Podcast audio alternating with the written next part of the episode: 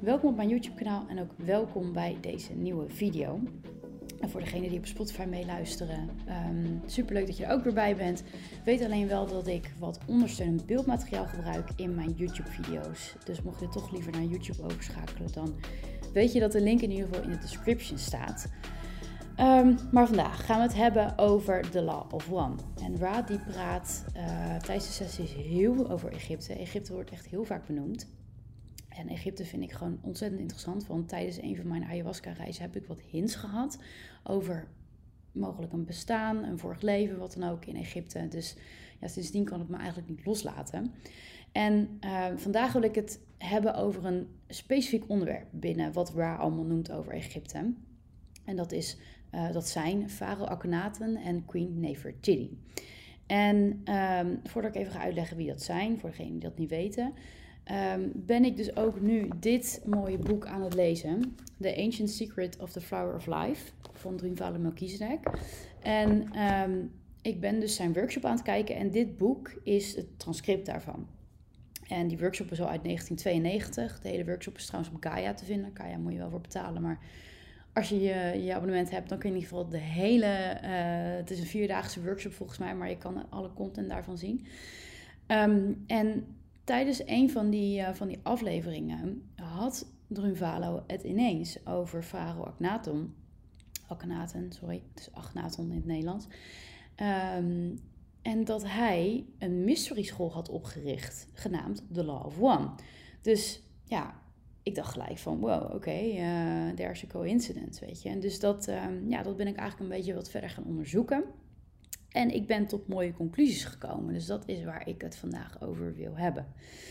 Um, nou, laat ik even beginnen bij um, wie zijn eigenlijk Farao, uh, Akhenaten en Queen Nefertiti.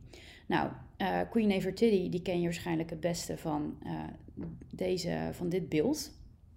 En Akhenaton misschien van dit beeld. Um, en waar Farao Akhenaton, of Akhenaten het, het meest onbekend staat, is eigenlijk het introduceren van het monotheïsme. Tenminste, dat staat in de geschiedenisboeken. En in zekere zin was dat ook zo. Alleen wat de uh, geschiedenisboeken er niet bij vertellen, is dat Akhenaten onderwees dat God intern zit en niet extern is. Nou, en wie um, mijn, uh, mijn vorige video over de Love One hebben bekeken, heb je die trouwens niet gezien, check die dan even. Um, daar vertel ik dat ook. Weet je, dat de Love One eigenlijk zegt van dat God dus intern is. En dat we niet iets externs hoeven te, hoeven te worshipen. Nee, jij bent dat al. Jij bent, jij bent die creator. Um, nou, dat viel niet zo heel goed bij um, ja, de, de, de, de priesters en wellicht waren er ook priesteressen. Uh, want ja, op die manier hoeft het natuurlijk, uh, het, ja, hoeft de bevolking, uh, hoeft het niet meer een handje op te houden bij de bevolking. En um, ja, viel er gewoon een groot gedeelte van het inkomen weg. Waar natuurlijk de kerk en ook andere, ja, ook het christendom, katholieke kerk, bla bla, ook natuurlijk heel veel geld aan hebben verdiend. Dus ja, toen er in één keer werd gezegd van, oh nee, God zit intern, dachten hun, nee, dat gaan we niet doen. Dus vandaar dat Akhenaton ook um, ja, best wel uh, geridiculiseerd is eigenlijk. Door de, in de geschiedenisboeken en, en ook op YouTube wat je over hem kan vinden. Ik heb ook wat content opgezocht. En eigenlijk heel veel is best wel negatief. Dat hij echt um, ja, hele grote ontwrichtingen in, in Egypte um, veroorzaakte en dat soort dingen. En nou goed, na, dat hij, na zijn overlijden gingen ze ook heel snel terug naar het polytheïsme. Um, en uh, ja, wilden ze eigenlijk ook niet weten dat, dat uh, Queen Nefertiti en Akhenaten ooit hadden bestaan. Uh, er is ook heel veel van hun vernietigd in, in de stad die zij, nou ik weet niet of ze het gebouwd hebben, maar het was in ieder geval hun stad, Tel El Armana in Egypte. Um, maar Drunvalo Melchizedek die vertelt in zijn, in zijn workshop dat er um, onder hun tempels, of ja, volgens mij onder hun tempels, uh, allemaal geheime gangen en kamers waren. En daar is, zijn nog heel veel beelden en dergelijke gevonden. En dat is dus uh, dat beeld wat ik net liet zien. Dat is een van de kunstwerken die daar gevonden is. Dus we weten gelukkig nog wel iets van uh, en Queen Nefertiti. Um, nou goed, um, dat is even een kleine introductie met betrekking tot deze twee bijzondere figuren. Maar in de One wordt, uh, wordt echt een paar keer benoemd. En de sessies die ik vandaag wil bespreken zijn sessie 2.2 en 23.6. En laten we hem er even bij pakken. Um, te beginnen bij 2.2. Ik wil wel dat je weet dat het taalgebruik van Ra heel moeilijk Engels is. Um, het zijn ook vrij lange zinnen en er worden woorden gebruikt die niet zo uh, ja, common zeg maar, zijn. Um, maar ik lees even een stukje voor en daarna ga ik even wat, wat dingen eruit halen om het wat begrijpelijker te maken. Dus hold up. Um, in the 18th dynasty, as it is known in your records of space time distortions, we were able to contact the pharaoh, as you would call him. The man was small in life experience on your plane and was what the instrument would call a wanderer. Thus, this mind body spirit complex received our communication distortions and was able to blend his distortions with our own. This young entity had been given a vibratory complex of sound which vibrated in honor of a prosperous god as this mind-body complex, which we call instrument for convenience, would call a moon. Oké, nou laten we daar even stoppen. Het wordt wel heel lang. Nou, wat er eigenlijk gezegd wordt is, uh, nou, in de 18e dynastie, dus dat is de, de, de, onder andere de regeerperiode van Akhenaten, um, was, waren Ra dus uh, able ja, to, to contact him, zeg maar. En um, a wanderer is een ziel die al verder op zijn of haar evolutionaire pad is, maar terug reïncarneert hier in 3D om de mensheid uh, naar een, hoger niveau van bewustzijn te tillen eigenlijk. Um, even kijken. Mind, Body, Spirit Complex betekent mens, want dat zijn wij. We hebben een mind, een body en een spirit. Um, en wat Rades zegt, is dat zij, de, de eigen visie van Akhenaten werd gemixt met die van Ra, dus de Law of One. Um, even kijken. Nou, voor de rest een lange zin over uh, um, this young entity heb ik even, nou bla bla. Um, en hij worshipte dus Amun. En the, the entity decided that his name, being in honor of one of among many gods, was not acceptable for inclusion in his vibratory sound complex. Thus, he changed his name to one which honored the sun disk. This distortion, called Aten, was a close distortion to our reality as we understand our own nature of mind, body, spirit complex distortion. Ja, ja, het is nog uh, het is nog wat uh, deze taal. Het is moeilijk Engels. Uh, maar goed, dat is ook weer Akhenaten onbekend staat dat hij de Aten, dus inderdaad de zon, de sun disk, worshipte. En um, ook weer in de geschiedenisboeken staat dat hij inderdaad de zon aanbood. Maar dat, was, dat is veel te letterlijk is dat overgenomen. Want dat is ook weer iets externs. Nee, wat die zon eigenlijk moet voorstellen is de creator. Zoals, ja, uh, volgens de of One, zeg maar. Okay, however, it does not come totally into alignment with the intended teach learning which was sent. This entity, Akhenaten, became convinced that the vibration of one was a true spiritual vibration and thus decreed the law of one. Nou, eigenlijk wat ik net al zei. Um, hij wilde gewoon heel erg de law of one doorvoeren in, uh, in Egypte. Hij geloofde dat echt, hij voelde echt in every vein dat dat de juiste manier van uh, leven was en dus ook qua religie. However, this entity's beliefs were accepted by very few. His priests gave lip service only, with the spiritual distortion towards seeking. The peoples continued in their beliefs. When this entity was no longer in this density, again, the polarized beliefs in the many gods came into their own, and continued so until the one known as Mohammed delivered the peoples into a more entanglable distortion of mind, body, spirit relationships. Right. Um, nou ja, wat er eigenlijk wordt gezegd is dat uh, na zijn overleden, wat Ra called when this entity was no longer in this density. Dus um, Akhenaten verliet zeg maar zijn, zijn, zijn physical body, zijn lichaam, om uit deze density te komen, wat een fase van evolutie is, en ging hierna verder. Um, dus hè, komen we weer op het feit dat we allemaal oneindige zielen zijn. dus na zijn, laten we zeggen, 3D overlijden, ehm, ja, dachten de, de, de, de, priesters inderdaad van nou, uh, mij niet meer bellen voor de Love One. En toen werd weer het polytheïsme ingevoerd. En het is wel interessant wat ze ook zeggen over Mohammed. Mohammed wordt eigenlijk niet verder genoemd door Ra in de boeken. Ehm, maar dat is natuurlijk de profeet uit de islam. Nou goed, uh, vandaag ga ik het even houden bij Akhenaten en Nefertiti. Maar wellicht maak ik daar nog ooit een aparte video over. Alright. Um, even kijken. Nou, dat is 2.2. Dan gaan we even naar 23.6, want daar wordt hij ook nog genoemd. En... Um, nou, eerst wordt er verteld over de bouw van de piramides. Super interessant. Echt heel mooi onderwerp, maar daar ga ik echt een aparte video aan wijden. Dus ik wil even beginnen bij de tweede alinea. Meanwhile, the information concerning initiation and healing by crystal was being given.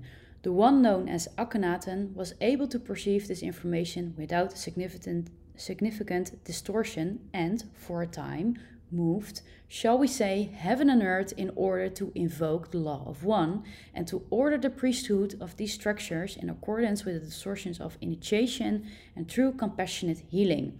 This was not to be long lasting. Dus Er wordt gesproken over de bouw van de piramides en dat die, werden, dat die moesten worden gebruikt voor uh, initiation en healing. Uh, initiation is inwijding. Uh, dus dat het eigenlijk inwijdings- en helingscentra waren. En dat Akhenaten dat heel goed begreep en dat wilde doorvoeren.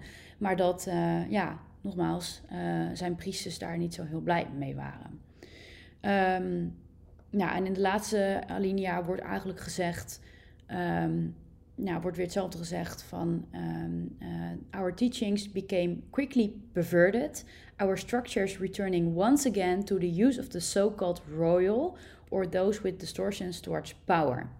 Nou, our structures zijn de piramides, dus de piramides werden daarna weer gebruikt voor ja, de elite. Um, en de conclusie die ik hier even uittrek is dat het toen dus de, de graftombes waren, waar we ja, het eigenlijk van kennen. Uh, maar goed, dus oorspronkelijk waren de piramides dus hele andere, uh, ja, hadden een heel ander doel. Inwijdingscentra en helingscentra. En Akhenaten die was hier dus mee bezig. Alright, um, nou dan is het misschien even goed om wat te vertellen over um, ja, dit boek dus. Het werk van het Rivale Melchizedek. En um, Drunvalo Melchizedek heeft zelf ook een bijzonder pad bewandeld. Hij is nu volgens mij al 81.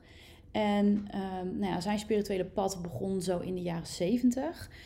En um, nou ja, hij heeft heel veel spirituele teachers gehad. En op een gegeven moment kwam hij dus terecht bij een alchemist in Canada. Um, en daar ging hij dan even studeren. Het klinkt een beetje gek, even studeren. Voor een lange tijd studeren, dat is wat ik wilde zeggen. En nou ja, wat eigenlijk waar uh, alchemie symbool voor staat, is voor ehm, de transitie dus, dus van, van kwik of lood naar goud, staat eigenlijk symbool voor de transitie van um, dit, dit niveau van bewustzijn, dus waar wij nu als mensen in zitten, tot het volgende, naar het volgende niveau van bewustzijn Drunvalo de Christ Consciousness noemt, oftewel het Christusbewustzijn. Nou, waarom het zo uitgelegd wordt, dat ga ik ook later een keertje uitleggen. Er is ook heel veel over te vertellen over, over, over Jezus van Nazareth en uh, nou ja, dus de Christ Consciousness en ook weer inwijding, nou bla bla. Um, in ieder geval, alchemie staat dus eigenlijk symbool voor de transitie van ene vorm van bewustzijn naar een hogere vorm van bewustzijn. Um, en um, een van de aspecten van uh, wat hij leerde bij deze alchemist was uh, meditatie. En dan ging ze heel lange meditatie en heel diepe meditatie. En tijdens een van die sessies kwam een entiteit naar hem toe, naar Drunvalen toe. En dat was Toth. Uh, nou, dat is één keer gebeurd. Daarna twaalf jaar lang niet. En toen opeens, toen zocht Toth weer contact met Drunvalen. Um, nou, Toth kennen wij als een van de Egyptische goden. En Toot staat uh, bij ons ook wel bekend als. Uh, um, nou, ik weet niet of het de grondlegger is, maar in ieder geval Toot heeft een hele belangrijke invloed gehad op uh, de westerse kunst, cultuur, wetenschappen en dergelijke. dus dat is eigenlijk waar wij Toot vooral van kennen. En um, Toot claimde dat hij al 52.000 jaar de mensheid hielp. En hij kon dat doen omdat hij steeds opnieuw reïncarneerde. Nou, nogmaals, dan refereer ik weer even terug naar mijn eerste video. Daar leg ik ook heel mooi uit dat uh, wij dat eigenlijk allemaal zijn of kunnen. Wij uh, reïncarneren ook heel de tijd en zijn oneindig, want het universum is ook oneindig. Alleen wat Ruvalo zegt, wat ik echt heel erg mooi vind, is dat de key to immortality is remembering. Dus wanneer jij het herinnert dat jij een oneindige ziel ben, bent op een evolutionaire reis, ja, dan um, piers jij eigenlijk door de veil of forgetting, zoals het in de of One wordt genoemd. En dan, ja, dan ben je eigenlijk immortal, want dan verlies jij dus niet elke keer je herinnering aan een vorig leven. Dan kan je alles nog herinneren en ja, dan ja, ben je eigenlijk onsterfelijk. Nou goed, vond ik een, uh, vond ik een epiphany. En dat uh, was dus aan de hand met Toad. Toad kon dus al zijn vorige levens herinneren. En um, hielp de mensheid dus in elke incarnatie uh, steeds een stukje verder. Um, alright. Um, en wat Toad Triumphale Melchizedek ook vertelde, was het verhaal van Farao Agnatum. En hij vertelde dat Farao Agnatum tijdens zijn regeerperiode, dus in de 18e dynastie, een mystery school had opgericht. Een mystery school genaamd de One. En um, in deze uh, mystery school werd um, onder andere de heilige geometrie gebruikt. Dus bijvoorbeeld de Flower of Life. En een van de hoofddoelen van deze mystery school was um, de connectie met het hart terugvinden. Nou, en waarom is dat zo interessant? Omdat ik dat eigenlijk interpreteer als het openen van de hartchakra. En het openen van de hartchakra is de, de hartchakra is de vierde chakra. En um, is dus eigenlijk de transitie naar die nieuwe vorm van bewustzijn. Aangezien we nu in 3D zitten, gaan we straks naar de, de vierde fase, fourth density, fourth density consciousness.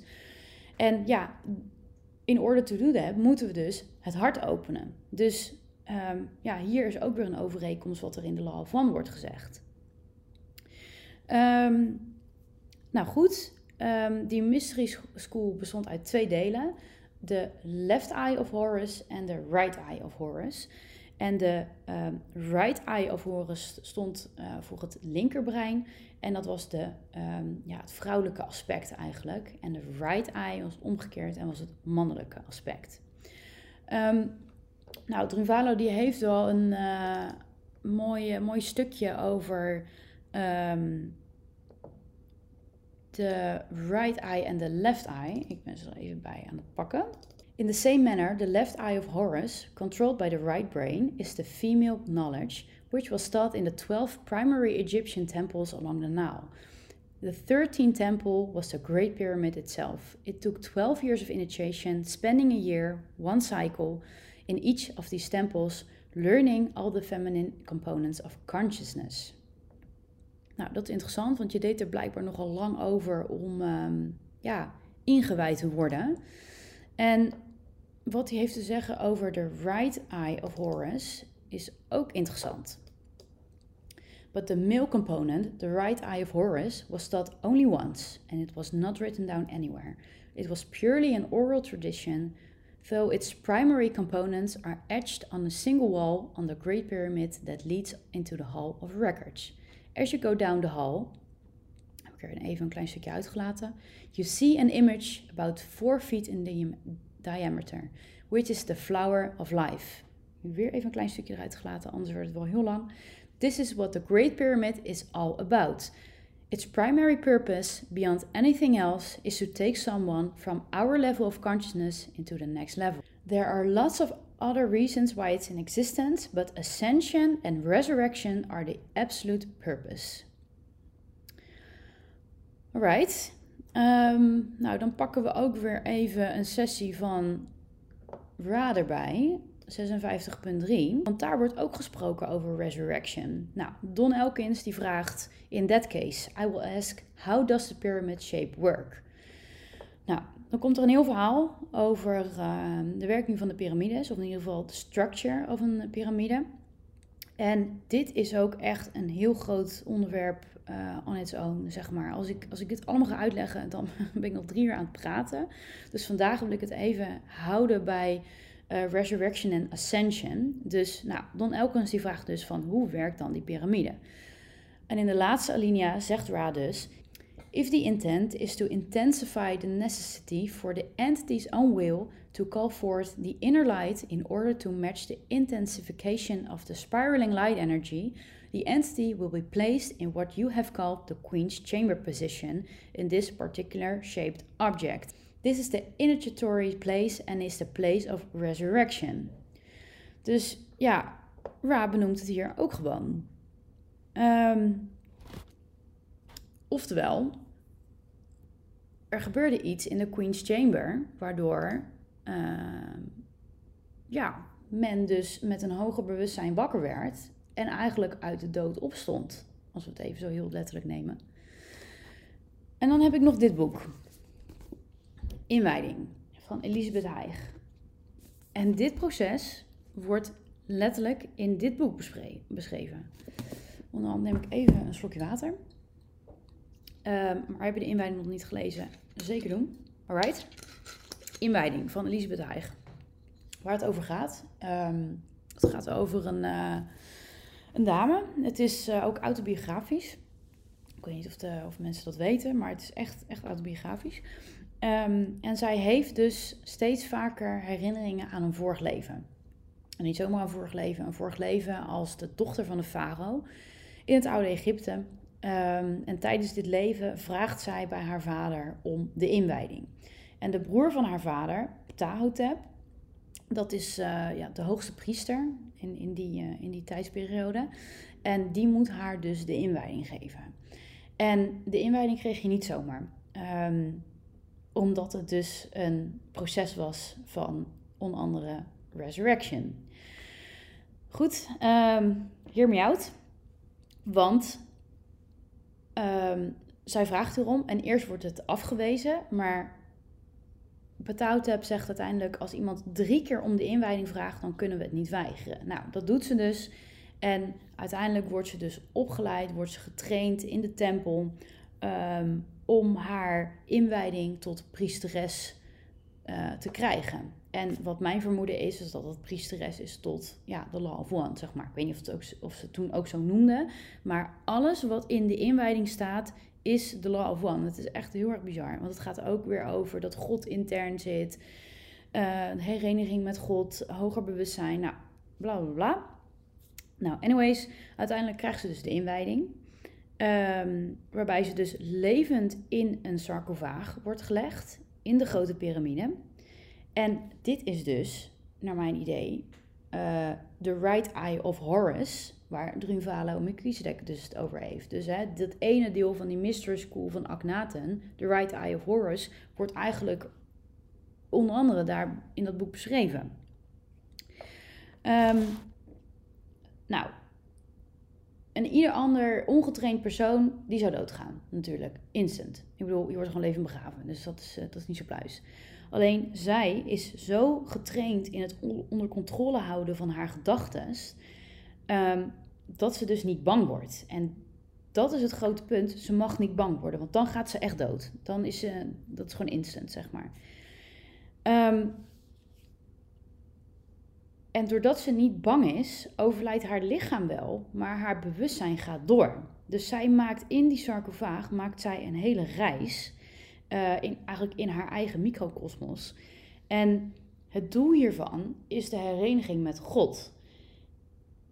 Um, ja, oftewel de transitie naar eigenlijk de Christ consciousness. En die hereniging met God is de hereniging met haarzelf, met, met de Creator die in ons allen zit. Um, en nou, dan wordt een, die, die reis wordt helemaal omschreven. En dan wordt zeg maar haar uh, ja, moderne leven, hoe moet ik zeggen, haar leven van nu. Dus Elisabeth Heig wordt dus gemerged met haar herinneringen uit dat leven in Egypte. Dus dat wordt, wordt allemaal één. En uiteindelijk beschrijft ze dus dat ze zeven treden opgaat. En die zeven treden, Ehm, nou, het begint bijvoorbeeld met een, eh, de eerste tree is heel, is heel laag, daar komt ze heel makkelijk op. Nou, wordt steeds zwaarder en zwaarder en zwaarder.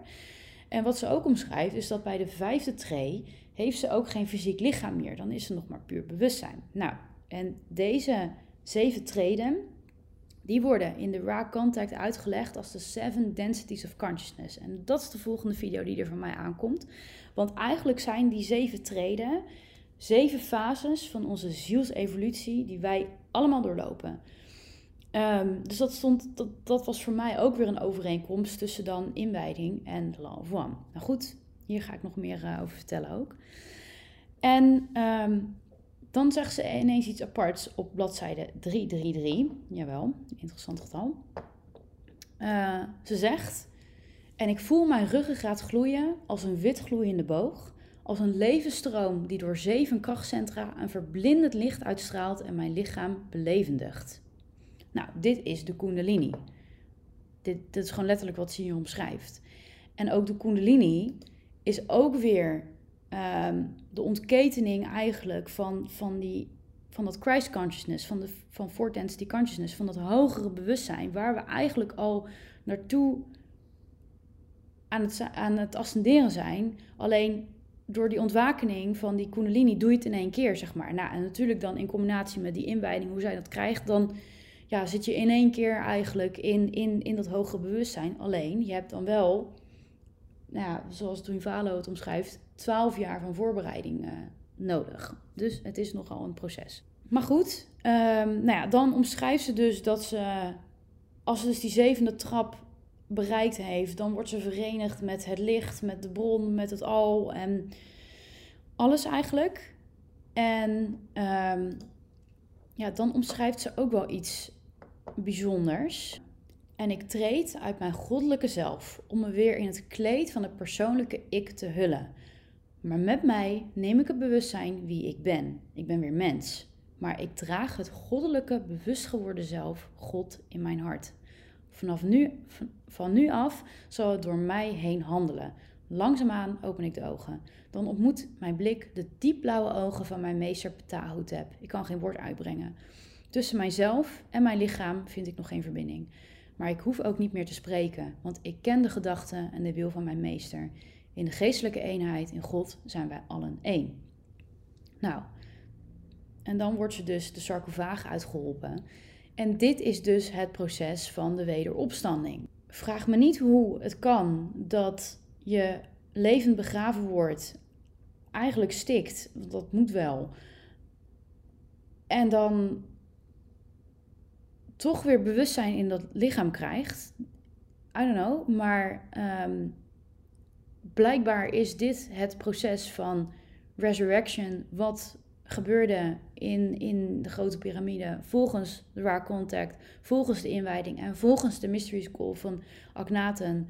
Um, ja, ik, ik, I'm just a messenger hier. Ik, ik uh, omschrijf gewoon wat er in deze boeken beschreven staat.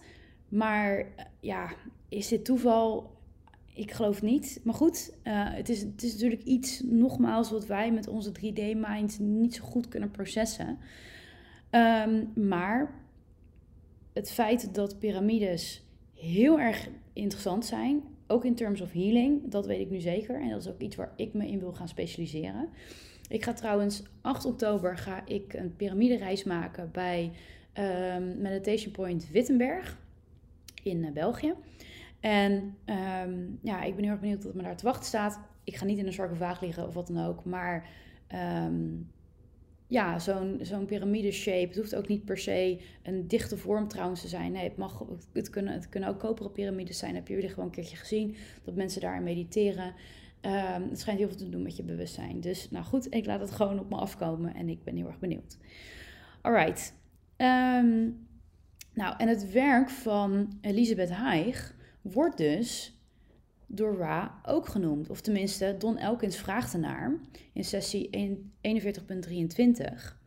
Hij vraagt, I have a book, Initiation, in which the woman describes initiation. Are you familiar with the contents of this book?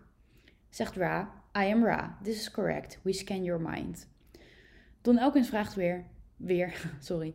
Jim has read the entire book. I have only read part of it, but I was wondering if the teachings in the book with respect to balancing were your teachings, Ra's teachings. Ra, I am Ra.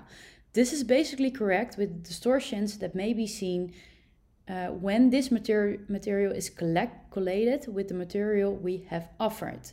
Dus wat Ra eigenlijk zegt is van uh, ja, in a way, maar het is gemerged met eigen kennis. Alright, um, neem ik nog even een slokje water. Want we gaan nog even verder met Agnatum en Nefertiti. Want er is ook nog een overeenkomst tussen het werk van Druvalo en inwijding. Dus laat ik ze voor het leuk nog even zien. Deze twee pareltjes. En um, wat daar de overeenkomst is, is het fenomeen van de langgerekte schedels. En ik heb een keer een serie of een aflevering van Ancient Civilizations gezien op Gaia. En daar uh, hadden ze ook een hele aflevering gewijd aan langgerekte schedels. Ja, ook weer mega interessant. Um, ik wist toen nog niet zo goed waar ik ervan moest vinden. Eigenlijk weet ik dat nog steeds niet. Maar um, die um, heeft een aantal foto's uh, laten zien tijdens die workshop over de beelden van uh, Nefertiti en van Akhenaten. En uh, nou, zoals ik in het begin van de video al zei, dit is het beeld wat jullie waarschijnlijk kennen. En je ziet ook wel door die hoofdtooi of wat het is, dat ze al, ja, dat die heel erg naar achter staat. Dat, dat, daar zou een schedel onder kunnen zitten. Hoeft niet. Um, deze foto zegt inderdaad nog niks. Maar als je kijkt naar dit beeld van Nefertiti, zie je echt dat ze er heel anders uitziet. En zie je heel goed die langgerekte schedel met die lange oren. En ook een heel apart lichaam, lange nek, dunne armpjes, uh, hangbuikje. Uh, het lijkt ook wel of ze veel langer zijn. En um, nou, dit beeld van Akhenaten ja, heeft eigenlijk hetzelfde figuur.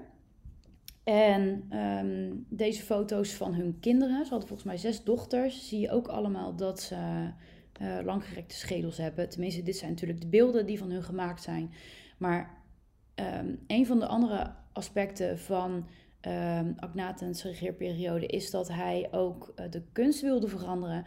En dat hij eigenlijk wilde dat de kunst zo dicht mogelijk bij de waarheid stond. Dus dat het echt een goede representatie was van uh, hoe de werkelijkheid er uh, uitzag. En dus ook hoe zij er echt uitzagen. Dus ja, op die manier kan je er wel van uitgaan uh, dat ze er dus echt zo uitzagen. Um, wat volgens mij de soort van officiële verklaring is voor het feit dat Akhenaten dus zo'n raar figuur heeft.